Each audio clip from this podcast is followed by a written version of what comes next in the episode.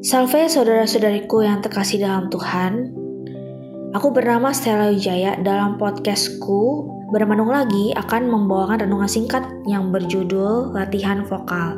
Ayatnya diambil dari Mazmur 104 ayat 33. Aku hendak menyanyi bagi Tuhan selama aku hidup. Aku hendak bermasmur bagi Allahku selagi aku ada. Selamat mendengarkan.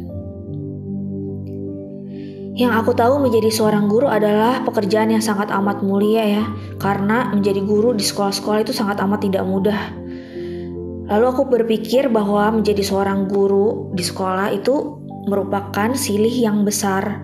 Tetapi kemudian sejalan dengan waktu aku pun mikir-mikir lagi berdasarkan pengalaman dan meditasi firman.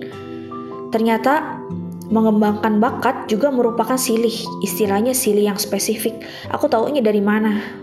Pada waktu dulu aku pernah latihan vokal. Oh, ternyata panggilan hidup yang Tuhan mau atau Tuhan tetapkan kepada seseorang itu kalau misalnya aku melakukan itu jadinya disebut sili yang spesifik nilainya sungguh amat tinggi bagi Tuhan.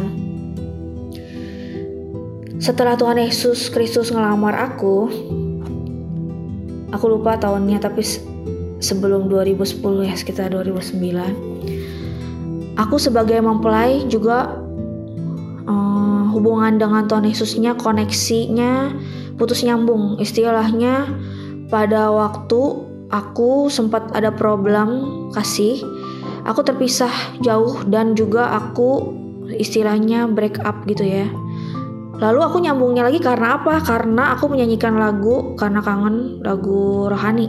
Jadi emang udah kebiasaan aku nyanyi lagu rohani. Dan aku pun menyadari bahwa keterpisahan dari Tuhan Yesus Kristus itu bagi jiwaku itu tidak bisa rasanya hampa dan tidak punya kekuatan karena segala sumber kekuatan dari Tuhan Yesus Kristus. Nah, udah begitu aku pun mendapatkan latihan khusus dari Tuhan Yesusnya ketika menyanyikan lagu rohani tidak berpusat kepada diri sendiri dan juga tidak fokus hanya ke makna teksnya atau ke nadanya tetapi uh, tujuan penyembahan pujian itu hanya kepada Tuhan Yesus. Jadi bukan menyanyikan seperti lagu biasa gitu ya.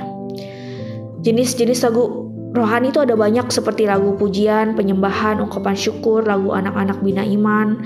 Lalu ada juga lagu yang bermakna pertobatan dan sangat amat menjauhi dosa dan lain-lainnya. Tuhan Yesus sangat menantikan penyanyi-penyanyi rohani pendatang baru. Dan juga Aku dulu um, pernah mau jadi konselor. Sebenarnya tujuan hidupku ini sebenarnya mau mendoakan orang, jadi berkat bagi banyak orang. Setelah aku konsultasi ke Pak Stefan Lex dalam chattingnya, beliau memberikan saran kepadaku kalau misalnya jadi konselor itu tanda kutip pikul salib style. Nah, kalau misalnya nyanyi gitu kan kamu seniman ya dilakukan yang pelayanan yang kamu bisa-bisa dulu aja terus aku berpikir-pikir lagi ya benar juga ya jadi aku nggak terlalu terbeban karena tanganku juga cuma dua sebenarnya kalau semua pelayanan apa dilakukan sama aku kan aku nggak bisa juga ya nah terus Aku juga punya mentor vokal namanya Brother Hans. Aku panggil Brother karena cukup akrab. Dia teman kuliah aku ya.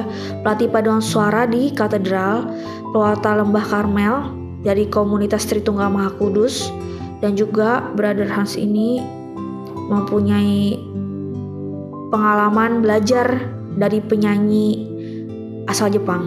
Pokoknya dia keren banget teknik-teknik vokalnya dan ngajarinnya tuh dia suaranya bagus banget juga gitu. Selain dari Brother Hans, aku pun belajar teknik vokal dari YouTube-nya Indra Asis yang bebaskan suaramu itu judul slogannya ya dan juga YouTube-nya Daniel Dalmasius aku suka sekali dengan pembelajaran yang aku suka gitu. Dan juga aku pernah lomba di paroki parokiku Santo Yosef Matraman. Dan lomba nyanyinya itu yang solo-solo gitu lomba karaoke aku kalah.